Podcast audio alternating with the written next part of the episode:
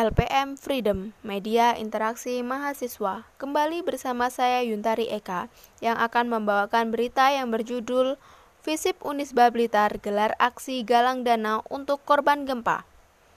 Aksi solidaritas ditunjukkan oleh mahasiswa Fakultas Ilmu Sosial dan Ilmu Politik Universitas Islam Balitar.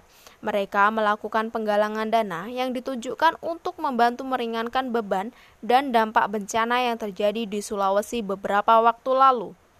Galang dana ini dibuka sejak Kamis lalu pada tanggal 21 bulan 1 2021 yang pada awalnya penggalangan dana hanya difokuskan lewat transfer bank karena aturan PPKM. Barulah setelah aturan PPKM selesai diputuskan pada Selasa tanggal 26 bulan 1 2021, Visip Unisba mengadakan aksi turun ke jalan guna menindaklanjuti aksi penggalangan dana sebelumnya.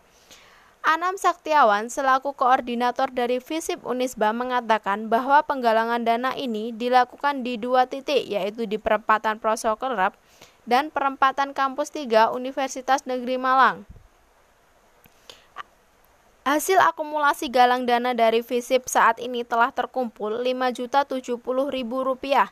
Hasil tersebut merupakan gabungan dari dana yang terkumpul dari transfer bank serta aksi turun ke jalan.